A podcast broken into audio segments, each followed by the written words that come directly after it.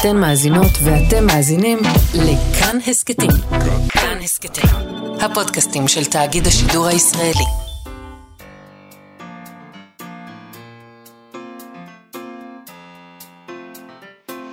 מה שכרוך עם יובל אביבי ומה יעשה לה.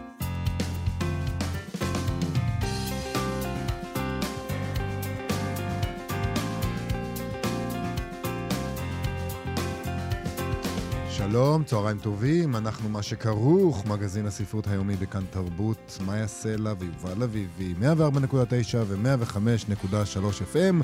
אפשר למצוא אותנו גם ביישומון ובאתר של כאן, אה, ביישומוני ההסכתים, אה, אולי גם סתם ככה, אם אתם מקשיבים עמוק פנימה עם רגע אחד לעצמכם, גם אז אתם שומעים את מה שכרוך. ואתה אמרת לי לפני שהדליקו את המיקרופון שאתה לא נרקסיסט. נו, באמת. לא, את הם שומעים אותך, אתה מהדהד להם כל הזמן, גם כשהם לא מדליקים רדיו. את אמרת, אה, אתה נרקסיסט? ואני אמרתי, אני נרקסיסט? לא אמרתי שלא. רק רציתי שנדבר על זה עוד כמה פעמים. אוקיי. בסדר. הנה, דיברנו. אה, איתנו באולפן המפיקה שלנו, תמר בנימין, שרון לרנר על הביצוע הטכני, שלום לכם. שלום מאיה סלע, שלום אה, לך, יובל פסיכולוגית אביבי. אה, בגרוש. שלי. טוב, תשמע, אנחנו נדבר היום עם הפסיכולוג, אבל גם הסופר, ואנחנו מדברים איתו כי הוא סופר, אבל אולי הוא ייתן לך איזה אבחון, חיים לפיד. בשביל מה הבאנו אותו, אם לא זה? אוקיי, אז הבנו אותו בשביל לדבר איתו על הספר החדש שלו, ארצות הקור, שיצא בהוצאת פרדס, בעריכת עודד וולקשטיין. יש בספר הזה חמישה סיפורים. בעיניי הוא במידה רבה ספר על כתיבה, על ספרות, על המעשה הזה של הבדיון, אה, על מה אמת ומה שקר, על היכולת לספר סיפור, אה, על מקור ועל חיקוי, שזה גם נושא שחוזר אצלנו לאחרונה, ועל הנזק שיכול להיגרם. על ה... על ה...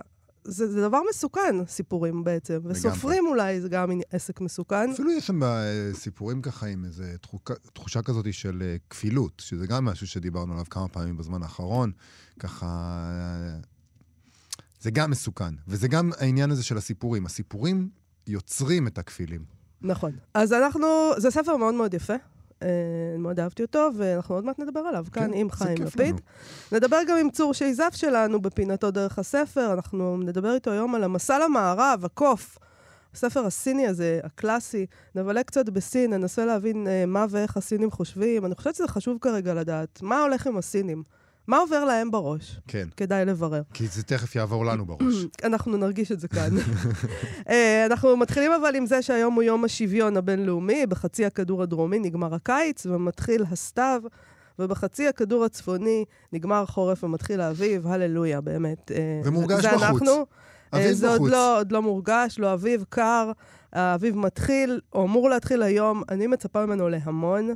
אה, ואני אני רוצה לקרוא לו מכאן, אביב, תן לנו את כל מה שאתה יכול. אני זקוקה לזה לפחות. על העונה או על הזמר? על העונה, יובל. אני לא מצפה לשום דבר מאביב גפן. אה, אבל אה, היום הוא גם יום השירה הבינלאומי. נכון. היום הזה הוכרז על ידי ארגון החינוך והתרבות של האו"ם בשנת 1990, של האו"ם, בשנת 1999, כדי לקדם את הקריאה והכתיבה והפרסום של שירה וחינוך של, לשירה ברחבי העולם. אני מודה שאני פחות בעניין הדידקטי הזה של לקדם את השירה, כי בעיניי אנחנו צריכים אותה יותר משהיא צריכה אותנו. אז לכבוד יום השוויון והשירה, ביקשנו מחמש משוררות לקרוא לנו שירים. אז אנחנו מתחילים עם המשוררת אפרת מישורי, זוכת פרס לנדאו ופרס עמיחי לשירה, היא גם דוקטור לספרות. הספר האחרון שלה ראה אור אה, ב-2021 בהוצאת מקום לשירה. השם של הספר הזה הוא "ואיש לא חיבק את הים", מבחר שירים מ-1994 עד 2018. בואו נשמע את אפרת מישורי. במיטה עם אפרת.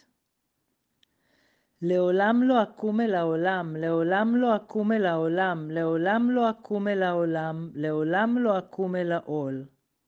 אשכב, כמו תינוקת, מתחת לשמיכה המריחה.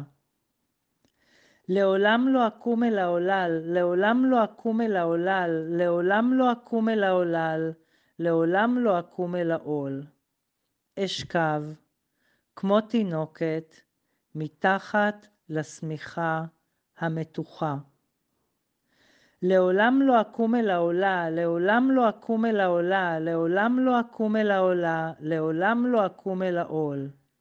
אשכב, כמו תינוקת, מתחת לשמיכה המסריחה. איזה יופי, אפרת מישורי. אני מת על מה שהיא עושה עם השפה. אה, בואי נשמע גם את המשוררת ליאת נאה. ליאת נאה היא חוקרת אומנות וארכיאולוגיה של המזרח התיכון הקדום, וספר הביקורים שלה, הווגינה, הרעב והדוב, ראה אור לאחרונה בהוצאת טנג'יר. בבקשה. בגנות ההייקו. אני לא אוהבת הייקו. מצלצלים בפעמון, אני רצה לפתוח, ואין איש בדלת. אני לא אוהבת הייקו. גוררים אותי אל הטבע, מראים לי צפרדע, וסתם משאירים אותי שם, תקועה עם עצמי בקרחת היער. אני לא אוהבת הייקו. האיבר נמתח, מלא הבטחה, עוד מעט יקרה משהו, ואז כלום. תסתדרי לבד. אה, טוב, ליאת נאה, לא עשינו אזהרת טריגר לפני השירים האלה או, שהשמענו. או לפני שם הספר שלה. או לפני שם הספר. אה, אנחנו נשמע בהמשך התוכנית עוד שירים, אבל אנחנו נדבר עכשיו על העניין הזה שנקרא אזהרת טריגר. אה, שרון גולן מאירי ממאקו דיווחה על אתר חדש שיש בו אזהרות טריגר על ספרים. ממש יובל. בשבילך. נכון. לאתר הזה, מי שרוצה מוזמן אה, ללכת לשם, booktriggerwarnings.com. אה, היא כותבת עליו, נשמע לי שזה די מוצא חן בין האתר הזה, היא כותבת שהוא כמו מדריך קריאה ווקי. אוקיי? במדריך הזה יש אזהרה, היא כותבת, מפני תכנים שעשויים להיות דגלים אדומים עבור הקוראים, כמו עוולות חברתיות או עמדות בעייתיות. והיא מפרטת שמנופוביה, גזענות, אפליה ועוד. נוסף על כך, יצוינו באתר גם אזהרות טריגר שמתייחסות לתיאורים גרפיים לא פשוטים. אה, אתה יודע, פירוט של סצנות אלימו, אה, של אלימות מינית ופיזית. אה, אזהרות טריגר שנוגעות לנושאים שעלולים להיות רגישים בשביל חלק מהקוראים, כמו סוגיות, סוגיות של דימוי גוף ושל מערכות יחסים רעילות. עוד היא מספרת לנו שהאנשים שעומדים מאחורי הפרויקט הזה מודים שאין להם הכשרה מקצועית. הם אמרו שהם לא רופאים ולא פסיכולוגים מקצועיים. הם לא טוענים שהאתר שלהם שלם ומדויק לחלוטין. אה, בדף הבית הם כותבים שם שרק כי ספר נראה בטוח באתר שלנו, לא מבטיח, ש... לא מבטיח שהוא אכן כן. Uh, במובן הזה שכאילו, אולי יכול להיות שספר נראה בטוח, אבל אולי הוא יעשה, בכל זאת יהיה טריגר למישהו, אז כן. הם לא רוצים שיתבעו אותם. Uh, לי נראה שגם בספרות הם לא מבינים באופן מיוחד. לא, אבל אבל- בוא נראה. אבל אולי הם מבינים, אז הם אולי מבינים בטריגרים. הם מבינים ברוח הזמן. הם מבינים מאוד ברוח הזמן. אה, כרגע יש שם אזהרות טריגר על 6,701 ספרים. זה לא מעט. לא מעט. למשל, על הרפתקאותיו של הקלברי פין של מרק טוויין, שבו לדעתם יש ככה, הזנחה הורית, גזענות ועבדות. אני חושב שיש שם יותר. אני חושב שיש שם עוד דברים. אני חושב שהם התרשלו. אז זה נורא יפה, האתר הזה נכנס, יש את השם של הספר, ואז יש רשימה. גדולה. אני רוצה להודות פה, שאת זוכרת שדיברנו על העניין הזה עם, אה, עם האוניברסיטה שביטלה את הקורס על דוסטויבסקי, כן. והיינו בטוחים שזה פייק ניוז ולא יכול להיות שזה אמיתי. אני הייתי משוכנע, אני עדיין לא לגמרי בטוח שזה לא אתר פרודי. אבל זה לא אתר פרודי, זה נכון? לא אתר פרודי. אני לא מצליח לא יודעת, לא זה. יודעת, זה לא נראה לי כמו אתר פרודי. אוקיי. טוב, אה, טוב, הזנחה הורית, גזענות ועבדות, זה מה שמחכה לכם בהרפתקאותיו של האקלברי פין, של מרק טוויין. אני חושב שאפשר להגיד את זה בתור קלאסיקה על-זמנית, אז זה מה שמחכה שם, וזה כל מה שיש שם. אה, התפסן בשדה השיפון, של סלינג'ר, אה, עוד קלאסיקה של שנים רבות. ממנו הם מזהירים כי לדבריהם הוא חוטא באפליה כלפי בעלי מוגבלויות. מצטער, אני לא יכול לקרוא את זה ברצינות. אה, יש בו תיאורים גרפיים של הקאות שלשולים ושל פנטזיות. הק- הקאות שלשולים זה טריגר? כן, יש אנשים שרגישים לזה מאוד, בעיקר כשזה אצל אחרים. טוב. הקאות שלשולים ושל פנטזיות אלימות, זה בסדר. ונושאים מהותיים יותר, התאבדות, הטרדה מינית, גזענות, הומופוביה, פדופיליה מרומזת. ועוד קלאסיקה גדולה, גצבי הגדול של פיצג'רלד, הם מזהירים שיש בו נושאים כמו אפליה מעמדית, אלימות נגד נשים ומוות. גם מה- המוות בחוץ, יובל, המוות המוות. בחוץ, האנשים החדשים יחיו לנצח. אה, מפ- באיזה ספר אין מוות? מפני אל תיגע בזמיר של נל- הרפר לי, הם מזהירים בגלל תכנים כמו רצח, אונס, שימוש אה, ב-N-word, הניגרו וכל המילים האלה שהאמריקאים אסור להגיד אצלם. אבל אמרו פעם, והיא כותבת את זה, על התקופה הזאת. טוב, אסור וגזענות. אוליבר טוויסט של דיקנס, גם בחוץ, בגלל אה, תיאורים אנטישמיים, תיאורים של אקטים בריוניים ואלימים. הוא יתום בבית יתומים אכזרי, מה קורה? אה, אוקיי. תגידי, את חושבת שאם אנחנו יהודים, אז אנחנו יכולים כאילו להגיד, בסדר, אה, תיאורים אנטישמיים תשאירו בחוץ, אנחנו בסדר עם זה? לא. מה זה אנחנו יהודים? אתה ואני? לא, אני לא, כי יש כמייצג. הרבה יהודים בעולם. איך אתה מייצג את היהודים בעולם? באיזה אופן? אוקיי, אמ, עלובי החיים של ויקטור הוגו, אה, אה, צריך להיזהר מהספר הזה בגלל זנות, מחלות ושימוש בנשק. שימוש בנשק. כן. אתם קראתם את החדשות לאחרונה? אמה של ג'יין אוסטין בגלל גזענות כלפי צוענים. ברידג'ט ג'ונס אה, בגלל טריגרים בנושאי דימוי גוף, אובססיה בנוגע למשקל וספירת קלוריות. אסור לספור קלוריות. סדרת, לא, הם לא אומרים שאסור לספור קלוריות, הם אומרים, יש אנשים שרגישים לזה מאוד. לספירת נגיד, קלוריות. יש להם פתאום פריחה כשהם קוראים על ספירת קלוריות. אוקיי. אה, אה, סדרת ספרי הארי פוטר של ג'יי קיי רולינג, כמובן, בגלל שמנופוביה והתעללות בילדים. אז ככה חיפשתי עוד קצת ומצאתי ככה. הגלגול של קפקא, יש שם טריגרים כאלה. אכזריות כלפי בעלי חיים. הג'ו כאילו? שהם זורקים בו אה, תפוח והוא נרקב? חוסר ישע. כי הוא, הוא זוכרת? התעורר בבוקר והוא הפך לחרק גדול, אז זה חוסר ישע מסוים. אה, את זוכרת שדיברנו על מצעד הספרים, שהם לא קיבלו ספר בגלל שיש שם תמונה של ג'וק מת? כן. הנה, כל הקווים מתחברים. השפלה, גם יש שם, בגלגול. אדישות, חשיבה פסימית ובדידות. מעשה שפחה, לעומת זאת, של מרגרט אטווד, לא כדאי לקרוא, בגלל, יש שם המון המון סיבות. אה, יש שם ככה, בגידות, מוות, הריון כפוי, ממשלה טוטליטרית, זה באמת לא נעים, זנות, אונס וסקסיזם. ממשלה טוטליטרית זה באמת לא נעים. אבל הם יודעים ש... הם יודעים שכאילו מעשה שפחה הוא... הוא... איך אומרים את זה? הוא תמרור אזהרה. הוא כאילו אומר, שימו לב מה קורה אה, במציאות. יובל, כל הספרים, אה, נגיד, נגיד ספר שמתואר בו אונס, זה לא מתואר שם אונס, זה לא פורנו כדי שאתה אמור ליהנות, לאלה שנהנים מאונס. לא. כותבים על כל מיני נושאים קשים בעולם. איך אה, אתה אמור לעשות אה, אה, ספרות שהיא משל דיסטופי? מזהיר מפני הכיוון שאליו האנושות הולכת. כי משל דיסטופי אה, הוא לא אוטופי. אז זאת בעיה, זה קצת... כל ספר הוא יהיה טריגר. אין ספר שהוא לא טריגר. זה המסקנה שלי. הדרך של קורמק מקארתי, שהזכרנו אותו פה לאחרונה, כי הוא כותב שוב ספרים טריגרים, אני בטוח שספריו הבאים יהיו טריגרים, אה, אבל גם הספרים שהוא כבר כתב הם טריגרים. האמת, הם באמת מלאים בזה. מה הם מזהירים? קניבליזם, מוות, דיק... אני לא יכול, יש פה רשימה ש... שאי אפשר להתמודד איתה. קניבליזם, מוות, דיכאון, רצח, אונס, הם מוזכר בספר, הם אומרים לא ממש מתעמקים בזה, אבל זה מספיק בשבילם. דיכאון, רצח, עינוי, אלימות, וגם R-slur, שזה אסור להגיד. מה זה R-slur? שזה דבר ש... זה, the R, זה, הם כותבים ככה באתר שלהם. הם לא, אני, אנחנו חיפ... אה, זה, אני הלכתי למצוא, לראות מה זה. כן. כי אני לא ידעתי מה זה. אה, את לא יודעת מה זה R-slur? לא. R-slur עכשיו זה אני יודעת. בארצות הברית אסור להגיד retarded.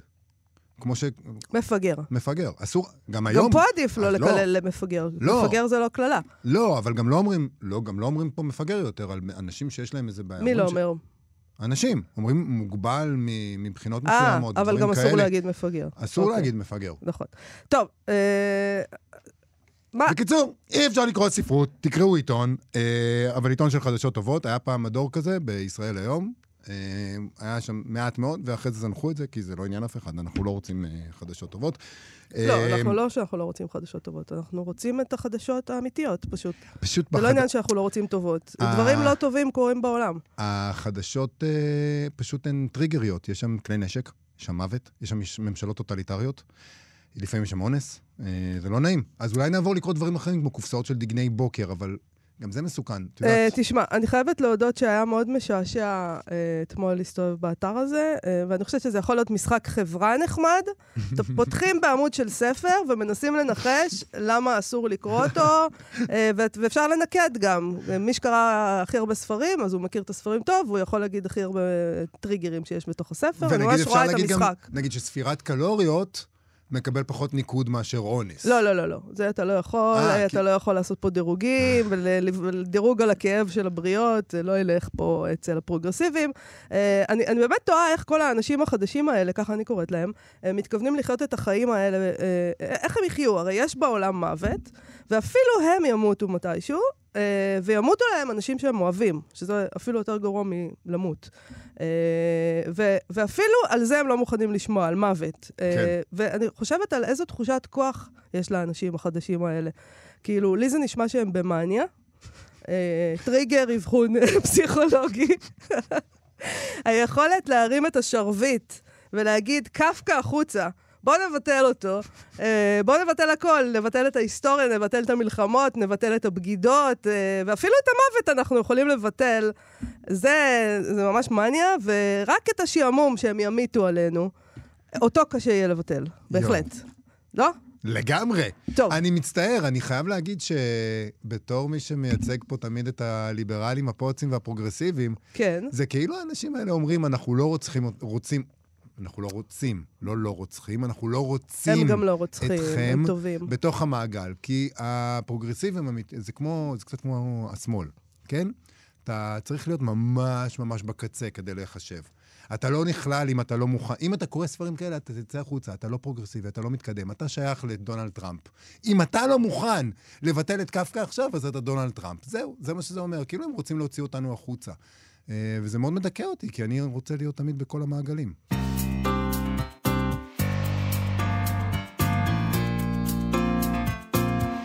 ואנחנו עם ארצות הקור עכשיו. דווקא ארצות הקור, אה, אנחנו מכירים את ארצות החום, נכון? יובל. כן, בטח. אתה אוהב את ארצות הקור, אני אוהבת את ארצות החום. אה, כל כך את- נעים לי המזג אוויר את שיש שלום עכשיו. רב שובך, ציפור הנחמדת מארצות החום אל חלוני, אה, ואת אל ארצות החום אהובי עלך. אבל הסופר חיים לפיד כותב דווקא על ארצות הקור, ספר טריגר, יש לומר. ספר טריגרי מאוד. בסיפור הראשון בספר הזה, אימה גדולה, ממש, נורא ואיום, מתרחשת בפריז הקפואה. אימה אחרת בסיפור, אה, בסיפור אחר, אה, שבו בגלל ברון בדאי ואכזרי, שמספר שקרים, קורה אסון מאוד גדול לאיזה מישהו שם. אה, וגם זה קורה בסביבה מושלגת ואירופאית, שיש כיכר ועצי תרזה. אה, בעיניי הספר הזה במידה רבה הוא על, על הכתיבה עצמה, על, על אמת ועל שקר. אה, חיים לפיד אה, מספר וגם חושף את מנגנוני הסיפור. בסיפור אלוהים קטן מאוד, גיבור הספר שהוא סופר, אומר, אין סופר שמאמין עד הסוף שיש אלוהים אחר מלבדו. ובסיפור, יש שם סיפור שנקרא סיפור מעשה לימים הנוראים. אומר שם הדוקטור שכל כתיבה היא פרודיה על כתיבה. Uh, ויש שם איזה רגע כזה שהוא מפסיק לספר את הסיפור שהוא מספר להם בארוחת ערב, הדוקטור הוא סופר. uh, כן, והוא הוא אומר, עד לכאן הגעתי בכתיבה. והחברים שלו אומרים לו שיש פה יסוד לתביעה פלילית ממש, או אזרחית לפחות, שזו התעללות לשמה והפרת אמונים. הוא לא יכול להשאיר אותם ככה, באמצע הסיפור. אבל אז הוא במתח. ממשיך, וגם זה לא משהו. זה קשה. אה, זה הספר העשירי של חיים לפיד, שאמרנו שהוא גם פסיכולוג, ועוד מעט הוא יאבחן אותך, יובל. אה, יואו, מים עמוקים בשבילו לדעתי. בואי נראה אם הוא נתקל בספסימנט כמוני. בדיוק. כמוך הוא עוד לא פגש. נרקיסיסט, זה מה שאמרתי, שאתה נרקיסיסט. אני גם אוקיי. המטופל הכי טוב שיהיה לו. בעצם, אה, נגיד גם שחיים לפיד הוא תסריטאי. הסיפור ארצות הקור בקובץ הזה שימש בסיס לסצנת הפתיחה בסרט שנקרא מילים נרדפות, שעשה הבן שלו, נדב לפיד. אה, את התסריט לסרט הזה הם כתבו ביחד, אז זה סרט שזכה בפרס דוב הזהב בפסטיבל ברלין, אז הוא גם אה, פוסע על שטיחים אדומים אה, מדי פעם בפעם. שלום, חיים לפיד. שלום, שלום למאיה ויובל. אני חייב להגיד שהייתה לי תחושה כמו לתום סויר ואקלברי פין, שמזדמנים אה, איכשהו פתאום להלוויה של עצמם. שמעתי דקות ארוכות אה, משוחחים עליי, זה בעצם החלום של כל אחד, איכשהו למות, אבל להישאר שם למעלה. לשמוע מה אומרים. את הדברים הטובים כמובן. כן. אני מאוד מפחד מהרגע הזה, כי כמו כל נרקיסיסט אה, טוב, אני בטוח שיטנפו עליי מעל הקבר הפתוח, וואו. לא, לא. מה פתאום, לא, לא, מעל הקבר אומרים דברים טובים. לא. רק מאחורי הגב. אנחנו מאחורי האגם נטנף, כן. חיים, אני רוצה לשאול אותך, יש לנו איזה כמיהה מתמדת, נדמה לי, וגם זה עולה בס- בסיפורים שכתבת, כמיהה מתמדת אל ארצות הקור האלה, אל משהו שהוא לא כאן. אה, כן, אם כי אני חושב שבא- שמבחינתי זה כזה מין ציר כזה, בין ארצות הקור לארצות החום, יש איזה, יש איזה ככה ממד של התרחשויות, ו, וארצות הקור, אומנם אני קמאתי אליהם כשהייתי קורא את ג'ק לונדון בילדותי, אבל uh, בגלל דקותי המופלגת, uh, פיתחתי את החרדה מהקור הרבה יותר מאשר uh, מסבלות החום. ובאמת אבל- הבחורצ'יק הזה, שאתה פשוט כן. מתעלל בו, סרול, סרול, נוסע כן. לטיול אחרי צבא, או במקום צבא, והוא נוסע, הוא מתחיל בפריז, ובאמת, מה עשית לסרול? אני לא יודעת, אני פשוט, אה, ת, תספר אתה, כי אני לא רוצה להרוס פה למישהו, לעשות אה, ספוילרים, אני יודעת. כן, אמ, תראי, סרול, מבחינתי סרול, אה, אם אני אתחיל ככה מהסוף, מבחינתי סרול זה מישהו שפשוט מחפש איזה יופי מהסוג שאין אין בישראל. הוא בחור פשוט, מה שקוראים, כאילו כן. מבית פשוט וכדומה. לא איש מסביבה מאוד אינטלקטואלית או תרבותית. ולכן הוא מתעקש לנסוע לפריז בדרך לנסיעה המסורתית למזרח, אה, למזרח הרחוק וכדומה, ששם צריך להיות כאילו האקשן האמיתי. אבל uh, כמו שאמרה לי בשעתו איזו ידידה טובה שהספר יצא, תמיד יש איזה ידיד- ידידות טובות שדרכם אנחנו יכולים להגיד כל מה שעולה על דעתנו, וזה, uh, היא אמרה, זה לא יאומן, כאילו אצלך מישהו נוסע לפריז השלווה וכדומה, וקורא לו דבר מקפיא דם uh, עד כדי כך. אז מה בדיוק מקפיא שם? טוב, מי שראה את הסרט מילים נרדפות, נכון. ש... אז תחילת הסרט הם, כאילו בנויה על הסיפור הספציפי הזה, אז זה משהו, משהו שקורה רמז עבה במקלחת. אבל בוא, בוא כן. נגיד... אבל הוא לא רץ להציל את עצמו. למה הוא לא הולך להציל את עצמו? אמ, כי הוא... כי- סרול, רגע. אה, מה זה? את- לא, פה את... אה, אה, למה הוא לא... למה רץ- סרול רץ- לא יוצא? עכשיו, אני יודעת שזה מוזר, אבל תצא מהדירה ותרוץ ערום ותמצא ישועה. אה, אני, את יודעת מה? מאיה, כשנגיע, כשנגיע למה- למה- למקומו, נראה מה יקרה. בוא ננסה לא להגיע לשם, אבל. ניסיתי דרך ממש לרדת מתחת לחגורה, אבל אה, כאילו, עירום זה עירום. נכון, אני לא יודע, האמת היא שאני לא יודע. כשאתה כותב, אז אתה כאילו, קורה לך משהו, כן. ואתה הופך לדמות הזאת, באיזשהו מקום היא הופכת לך, וכנראה שאני הייתי מעדיף איזה, איזה חשש למוות הירואי וכדומה. אני חושב, אבל אולי לא. אגב, השאלה הזאת נשאלת בסרט. בסרט יש פיתוח הלאה. כן. מטיחים בו את זה, אבל לא בספר, לא בסיפור. אמ, התחושה היא, אם אנחנו מתייחסים לסיפור הזה, אה, ולא רק לסיפור הזה, אלא גם לסיפורים האחרים, אלא שזה באמת איזה משהו אה, שיכול היה להסתיים אחרת. שהדבר הנורא שקורה בו הוא כל כך שרירותי, ואם רק היינו לוקחים את, ה, את, ה, את, הדר, את המסלול האחר, אז דברים היו נפתרים. זה קורה בכל מיני אה, כן. סיפורים שלך. זאת אומרת, אתם לא חייבי, חייבים להגיע אל המקום האיום הזה שאתם מגיעים אליו, אם רק תתנהגו בצורה קצת יותר אה, שקולה, הגיבורים שלך. אני, אני, אתה קורא את זה ואתה אומר להם, חבר'ה, פשוט אה, תשנו קצת את איך שאתם מתנהגים והכל יהיה בסדר.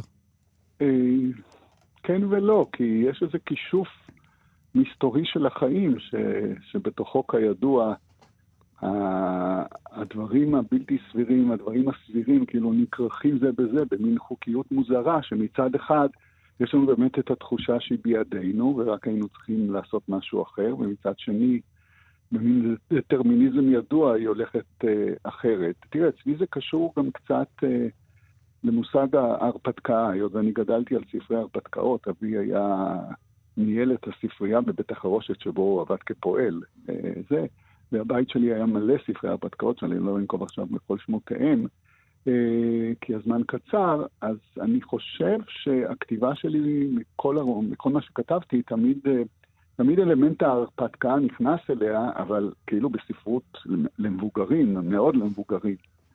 אז הנה ההרפתקה שקורית בפריז בתוך אה, אה, מקלחת, אבל גם בסיפורים האחרים. עכשיו, ההרפתקה בעצם אומרת ש...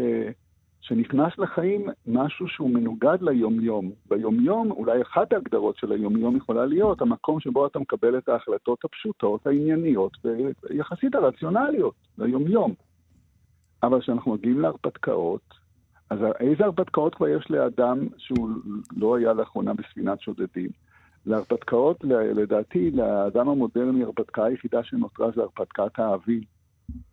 אה, ברגע לא שהוא רע. נכנס, כן, ברגע שהוא נכנס להרפתקת האבים, בעיקר אלה המשולשים, אבל לא רק, כן. פתאום יש את התחושה הזאת של סיכון, של מלחמה על, על החיים עצמם, כי החיים זה אהבה, וכל היתר, ואז ההחלטות הן כבר באמת הרבה פעמים, הן לא הכי רציונליות או עסוקות רק בשמירה עצמית. כי מי שעסוק רק בשמירה עצמית לא נכנס להרפתקאות. אבל לפעמים ההרפתקאות נכנסות אליך, גם אם אתה לא התכוונת. ויש גם שקורה. את העניין של הסיפור. זאת אומרת, הסיפור עצמו, ב- בספרות עצמה, אתה, בעיניי אתה עוסק, מתעסק בזה די הרבה בספר הזה. אה, מה ההבדל בין זה לבין שקר, וה, והנזק שהסיפור יכול לעשות, בעצם. נכון. וה, נכון, והעובדה שאתם אנשים מסוכנים, אתם הסופרים. כן, אה, כן, אם כי... killing me softly, אתה יודע, אולי בסיפוריך, כאילו, כן. אולי זה עדיף בכל זאת, אם כי את צודקת שסיפור, היום אה, אפשר לדבר על שיימינג וכדומה, אבל לא ניכנס לזה, סיפור יכול להיות אה, ממש אה, ציאניד. נכון. אבל אני חושב שבאמת, מה שבלט בסיפורים האלה, שכתבתי אותם לאורך איזה 15 שנה או משהו כזה, כאילו, עם קצת סיכום כזה, או מין, אני לא יודע, מבט רוחבי על, על חיי ועל היצירה שלי, שבאמת הסיפורים הרבה פעמים הם הופכים לחלק ממה, מן המאבק, מן החיים עצמם. כלומר, יש את ה... הזכרת את זה, יש את הסופר החצי כושל או לא כושל, אה, שמנסה לפתות, לכבוש את הבחורה ביאכטה. אני חייב להעביר לקוראים אה, גם מסר שיש דברים כאלה ב- בספר שלי, אם לא, הם לא ידעו. כאילו, וחם הבחורה- שם, והיא בביקיני, ולפעמים היא מורידה את החלק נכון. העליון של הביקיני. בסדר. בדיוק. לא רק קר. כל הזמן, כן. בדיוק, יש שם... תסתכלי אחרי זה איך קוראים לספר, אגב, באנגלית. אה, אולי יהיה לך הפתעה, לכם. אה, מכל מקום, כן, אז, אז הוא, הוא בעזרת הספרים שלו, בעזרת הסיפורים שלו, מנסה לפתות אותה.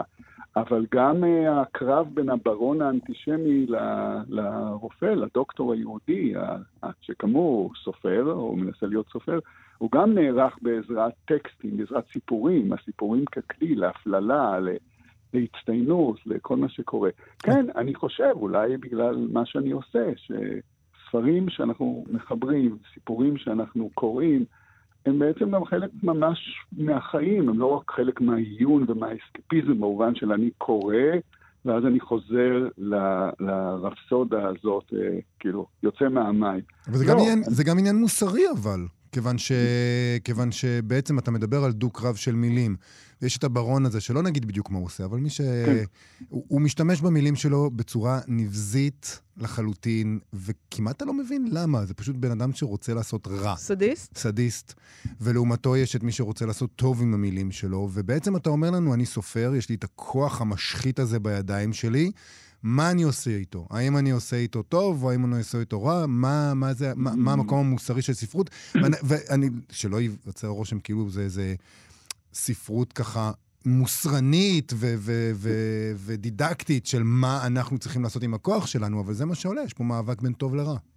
אה, כן, כן, זה עולה מתוך, אה, כמו שאמרת, אולי לא באופן דידקטי, אבל כאילו, תראה, אני, אני אוהב ליצור אה, מעבר לכל זה ריבוי של קומות, וגם ריבוי של אה, כאילו הקשרים. אה, זה, זה, זה נגיד קלייסט, זה, זה, זה הכל גם גיבורי נעוריי וגיבורי בחרותי וכדומה, קלייסט כסופר, אז אה, אה, לא, לא, יודע, לא, לא, לא בטוח שכל המאזינים מכירים, אם כי הוא סופר מאוד חשוב וגם מרתק, ואם כי למדו פעם בתיכונים נכון, את... אה, אני עוד למדתי כל- אותו בתיכון. נכון, מהמם. בדיוק, אבל מבחינתי הדמויות האלה הן כאילו חלק ממני, ואז שאני פתאום כותב בנוסח אה, קולס, או חברים טענו חבר טוב במקום חברה טובה שלו, טען שהסיפור על, שמתרחש בווילנה עם הברון וכדומה, הוא ראה אותו כסיפור מאוד הנרי ג'מסי, כאילו בסגנון, אה, ב, כן.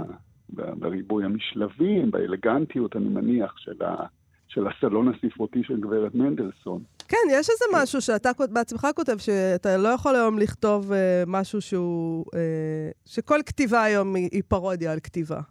נכון. אני, אני, זה דבר שהעסיק אותי כבר, כבר די הרבה שנים. התחושה המשונה הזאת שאני ורוב החברים שלי והכותבים וכדומה באמת אה, יאריכו ימים ויאריכו ספרים. אנחנו קצת אה, פלגי, כאילו קצת גרפומנים. כי אני קראתי גרפומן לכל מי שכותב יצירה שאין לה כוונה אמיתית לחדש, לשנות, לערער, אה, להיות מודעת למקומה בתוך הסדר הספרותי, אלא, אלא לעצם הרצון הטבעי של גרפומן לכתוב משהו. אם רק לכתוב משהו, רק לספר שוב סיפור אהבה, אני כאילו מתקיף גם את עצמי, כמובן. אז uh, במובן רב הסיפורים האלה כאילו מנסים להיחלץ מהעניין הגרפומני. לא שהם המציאו את כל הספרות מחדש, אף אחד לא יכול לעשות את זה. יש uh, סופרים גדולים ועצומים יותר שאולי סוחבים יותר על הגב, אבל אני חושב שזה אחת ה... שוב, זה לא כוונות במובן שאתה מתיישב ליד השולחן ואומר, איך אני... אלא זה בא ממך בצורה די אותנטית, אבל בכל זאת מלווה במודעות מסוימת. Uh, אני רק רוצה להגיד שבאנגלית קוראים לספר הזה The Wormlands, uh, בניגוד ל... אוקיי, בסדר. זה מעניין מאוד. אולי זה משנה אפילו את האופן שבו קוראים אותו. אני צריכה לקרוא אותו עוד פעם עכשיו. זה היה, זאת הייתה החלטה אה, שובבה, אה, גם משונה, יש אנשים שממש התפלצו, שהתקשרו אליי ואמרו לי, נפלה טעות וכדומה, של, שלי ושל העורך אה, עודד וולקשטיין, שבאמת אה, תמיד, תמיד יהיה אסיר טובה, תודה לו וגם חבר טוב, אה, כי התברר לנו ש... עודד, שהוא בקיא ממנו, הוא מתרגם מאנגלית לאנגלית וכדומה, ואון ארץ וכל גדולי האנגלית, והם טענו בתוקף שאין משמעות לארצות הקור באנגלית. זה פשוט בגלל התרבות, זו הערה מעניינת, כאילו בארצות האם, הקרות יחסית, המושג ארצות הקור בכלל לא דומה למה שאנחנו מדמיינים, זה פשוט מושג ריק כמעט. ואז, אחרי שחשבנו, הגענו למסקנה שיש לפחות מתוך חמשת הסיפורים או הנובלות, שני סיפורים שהם חמים, זה שקורה ביאכטה שטופת השמש וזה שקורה בעמק יזרעאל, היחסית, למרות שזה בתקופת, אה, כאילו, מתחיל במלחמת יום הכיפורים, אבל זה, ו, ושני סיפורים uh, קרים, וסיפור אחד uh, בשם האם, שהוא לא בדיוק קשור לטמפרטורה, למרות שאימי נולדה בארצות קרות. אז החלטנו פשוט uh, להשתובב. אני לא אוהבת את ההשתובבות הזאת מאוד. האם בתולדות הספרות היה ספר שבו uh, אין כמעט דבר שאתה יכול לחדש באמת, אז בואו נחדש לפחות בזה. שהשם באנגלית הפוך מהשם בעברית. יפה. ארצות הקור, חיים לפיד, יצא בהוצאת פרדס. תודה רבה לך על השיחה הזאת, חיים. תודה גם לכם, שלום שם. להתראות. אנחנו נשמע עכשיו עוד שיר במסגרת uh, יום השוויון והשירה הבינלאומי, הפעם של המשוררת שולמית אפל, זוכת uh, פרס רמת גן, פרס משרד התרבות לאומנים ותיקים על שם אריק איינשטיין, פרס ראיית נשיא המדינה לשיר העברית. על ספרה האחרון, זיכרונות מבית החרושת לבגדי ים, שראה אור בשנת 2020. שלומית אפל. אוסטרליה. חיכיתי למים, אחר כך לתה שהתקרר. אחר כך חזרתי למטבח לשטוף עלי נאנה. על הדרך שמעתי שיעור בהיסטוריה. אסירים לשעבר בנו אומה. אנשים כונו אזרחיות אמהיות. האישה הראשונה שנכנסה לפרלמנט הייתה שרה בלי תיק, והיות שכך, הכינה תה, ואת רוב הישיבות עמדה ליד הקומקום. אוקיי, שולמית אפל, אה, תודה על הקריאה הזאת. עכשיו, דרך הספר. מה שכרוך, אנחנו מגזין הספרות היומי שלכם ושלכן, ואיתנו צור שזף, סופר מסעות ופרוזה, עיתונאי, צלם, נוסע עם הפינה שלו דרך הספר. שלום צור. שלום, מה שלומכם? מצוין, אנחנו מדברים היום על המסע למערב, ספר אה, סיני, בגלל שאנחנו מסתכלים על סין עכשיו אה, בחשש מהול באימה, מהול בפחד. אה, כן, יאמר לזכותה של סין שהיא עשתה... את הקפיצה הגדולה קדימה היא עשתה בעצם אה, מ-90 ועד היום, מצליחה בעצם להפוך להיות מעצמה בעמדה של לקחת את כל הקופה. והיום, זאת אומרת, בשבוע שעבר אני חושב שמענו שפוטין אפילו מבקש מהם כבר מל"טים וכל מיני עזרה צבאית על מנת להתגבר על האוקראינים הסוררים האלה. אז בוא נבין אבל... אותם טוב יותר עם הספר הזה שהבאת לנו היום. זהו, שזה דווקא ספר שהוא לוקח איזה משהו שנמצא בתת ההכרה הסיני, והוא ספר אנרכיסטי, אנטי-ממסדי, הוא ספר שכותב אותו וו צ'אנג אן. וו צ'אנג אן, אמ, שאנחנו לא יודעים עליו הרבה, חוץ מזה שהוא היה סופר מכונן כמובן, וזו הערכה שזה הוא, הוא חי בתקופה של המינג. המינג הם תקופה שמגיעה אחרי המונגולים, אחרי הסיפורים של מרקו פולו וכל הדברים האחרים, המינג משתלטים על סין ובעצם עושים הפוך ממה שהסינים של היום עושים, הם סוגרים את כל הגבולות, עוצרים את דרכי המסחר, מאוד פורמליסטיים, הם אלה שבונים כמובן את העיר האסורה ואת מקדש השמיים, כל המבנים הכי מפורסמים והכי יפים של סין, ממציאים איזה קרמיקה נהדרת, שעד היום מאוד מאוד אה, אה, נחשבת ברחבי העולם. אבל הם, אין להם זמן לשטויות, הם חסרי חוש הומור מהרבה בחינות, ודווקא בתקופה הזאת נולד האיש שכתב אולי את, אה, נקרא לזה רומן המסע הפנטסטי הכי מצחיק והכי שווה שאני לפחות אי פעם קראתי. אני חושב שקראתי כמה דברים מצחיקים, ובוא נגיד שנגיד מדריך הטרמפיסט לגלקסיה של דאגלס אדמס הוא נורא מצחיק, אבל זה עוד הרבה יותר מצחיק ומלא דמיון ממנו. הספר נקרא מסע למערב, שיוג'י, אה, זו, אתה יודע, אתה יודע אה, סינית? רק אה, שאני אבין את זה. לא, אני יכול לפטפט ברחוב, זה המקסימום שאני יכול. זה נחשב יודע סינית. לא, לא, זה ממש לא. העניין הוא שלרוב, לסינים אתם צריכים לזכור, יש איזו שבעת דיאלקטים שונים ומשונים, ולרוב כשהם רוצים לתקשר ביניהם, אז הם מראים סימניות הרבה יותר מאשר כל דבר אחר. אבל אני יכול להסתדר ברחוב הסיני בעיקר בגלל שאני מבלבל אותם נורא. וגם הם יותר מדברים אנגלית, אז זה גם יותר קל. אוקיי, אז המסע למערב, כן, סליחה. אז המסע למערב של ווי צ'אנגאן תורגם מתישהו בשנות ה-20 לדעתי על ידי ארתור ויילי, שהוא היה המלומד הגדול, באמת אולי אחד המלומדים הכי גדולים בעולם, שהוא תרגם המון דברים נפלאים, הוא מתרגם גם אותו. הוא לא מתרגם את כל הפרקים של הספר, הספר יש לו 100 פרקים, הוא, עושה בחירה של 30 פרקים, ועד היום זה הדבר הכי נפלא שאפשר להוריד אותו כמובן מאמזון, או לקנות את הספר הערוך עצמו באנגליה, וכל מיני דברים. לעברית הוא תורגם תרגום לא טוב. מי שמאוד רצה לתרגם אותו ולא הספיק לצערנו זה כמובן דן דאור, שכבר דיברנו עליו בעבר. כן. בכל מקרה, הספר הזה, עוד לפני שאני מתחיל לספר את העלילה שלו, מבוסס על סיפור אמיתי לגמרי. הוא אה, מספר בעצם את הסיפור של נזיר בודהיסטי, אה, שואן זאנג, שיוצא במאה השביעית, שהיא התקופה של הטאנג, שהייתה גם כן שושלת ענקית, שושלת של אומנות ו- ומשוררים נורא גדולים, ו- ובין היתר זו שושלת גם שחשבה שהיא תשתלט בעצם על סין ותהפוך אותה למהות אחידה על ידי דת, על ידי הבודהיזם.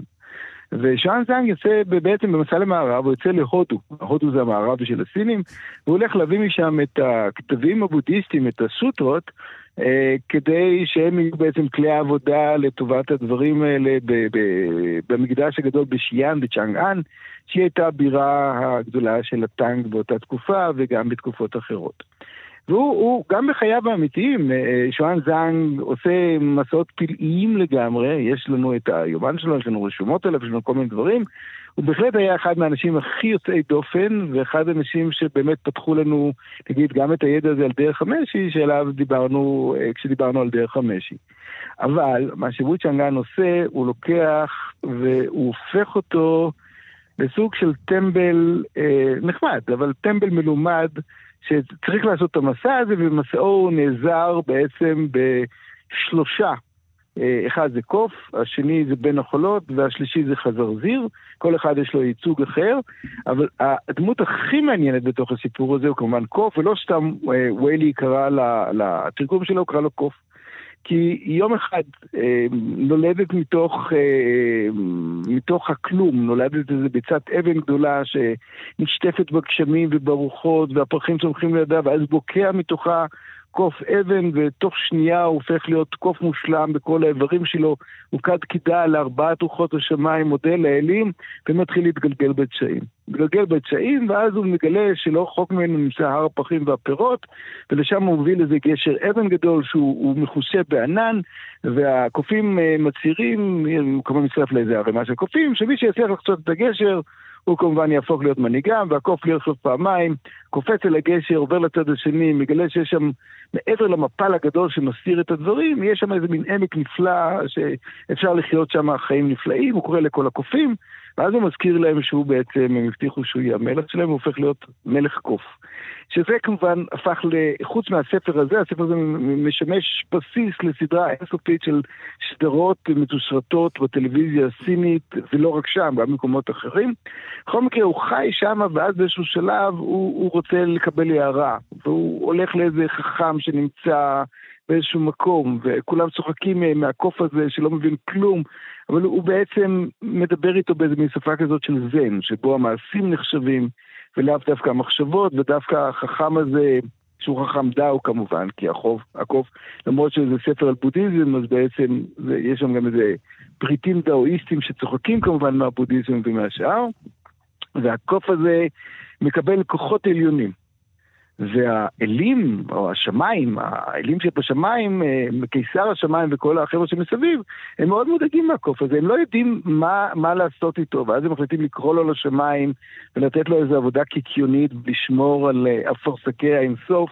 והוא כמובן אוכל את אפרסקי האינסוף, ואז לכן אפשר לתפוס אותו, והוא עושה שם ברדק בשמיים, ואף אחד לא מצליח ללכוד אותו, והשמיים כבר מתחילים להיחרב מרוב זה שהקוף, שהוא חכם ויכול הכל וחי לנצח, ואז מגיע אליו הבודה, והבודה אומר לו, אה, תגיד, אה, אתה מסוגל להגיע לעמודים שבקצה היקום? הוא אומר לו, אין שום בעיה, קפיצה אחת ואני מגיע לשם.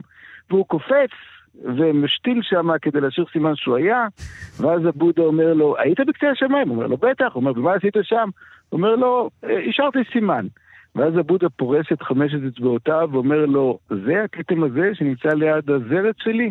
ומיד הוא תופס את הקוף, קובר אותו תחת הר האוצרות, ושם הקוף נמצא מאות שנים, עד ששואן זנג יצא למסעו, ואז תמורת ההבטחה שהוא ילווה את שואן זנג ויגן אליו בכל העלילות, הוא בעצם יוצא לדרך, ויחד עם חזרזיר ובין החולות, שלפעמים הוא סוס נפלא, הם עוברים שורה של הרפתקאות שהן מצחיקות ופנטסטיות ונהדרות, ובעיקר העניין היפה הזה, כמה השמיים ראויים לבוז.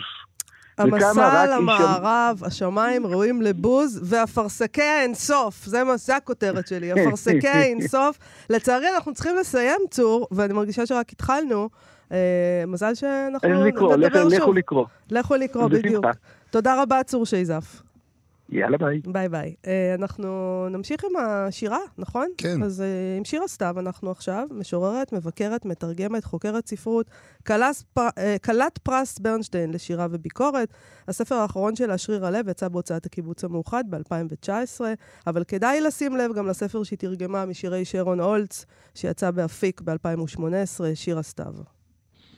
מתוך הספר שריר הלב, בדרכים. וכבר הפסקתי לחפש, לסובב את הראש אחרי כל מזוקן ובנו, שיקחו אותי איתם ויכינו לי מרק. הרחקתי מעליי כל אם, כל אב הדפתי, חברות ואחים רחוקים. את אוזניהם הקשובות קיפלתי, פסחתי על הספסלים הממתינים, לא מבקשת תחליפים. יש לי בית, על כלונסאות ומדדה אחריי לכל מקום, בכל רעב, מפציר שאכנס אליו, ואכנס רגליי, אחלוץ את נעליי, ואתיישב. ואחרונה חביבה בפרויקט השירה והשוויון שלנו לרגל יום השוויון ויום השירה הבינלאומיים, אה, נועם פרטום, כלת פרס רמת גן ועיטור אנדרסן, ספרה האחרון ביחדנס, ראה אור בשנת 2018. בוא נשמע אותה. הבית שבתוכי הוא שמיים. נועם פרטום. לא סתם גורים בטבע, נולדים חמודים. זה כדי שלא יטרפו אותם. כך גם אני הייתי כילדה. שכללתי עוד ועוד את החמידות שלי, והבאתי אותה לדרגת אומנות. חן דלך וריצוי, מתיקות ורקות, זו הייתה דרכי להישרד. הנפתי תמרור עצור מהבהב בג'ונגל המשפחתי והסביבתי, ואותתתי. תראו איזה מאמי אני, אל תפגעו בי. עכשיו, האישה שהפכתי להיות לא בעמדת סכנה יותר.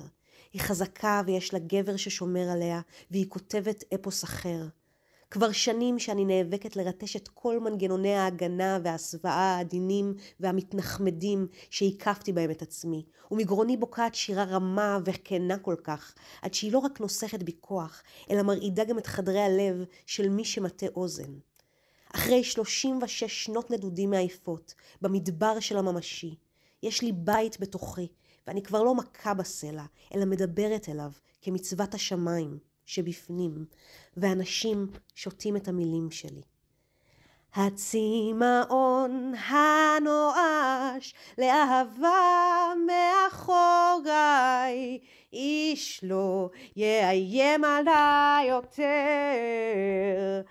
הצמאון הנואש לאהבה מאחוריי, איש לא יאיים עליי יותר. הצמאון הנואש לאהבה מאחוריי, איש לא יאיים עליי יותר. איש לא יאיים עליה יותר. נועם פרטום, תודה רבה לנועם, ותודה רבה לכל המשוררות שהיו איתנו היום. אה, תודה רבה למפיקה שלנו, תמר בנימין, ולשרון לרנר שעל הביצוע הטכני. בואו לבקר בעמוד הפייסבוק שלנו ושל כאן תרבות. שלום יובל, ביי.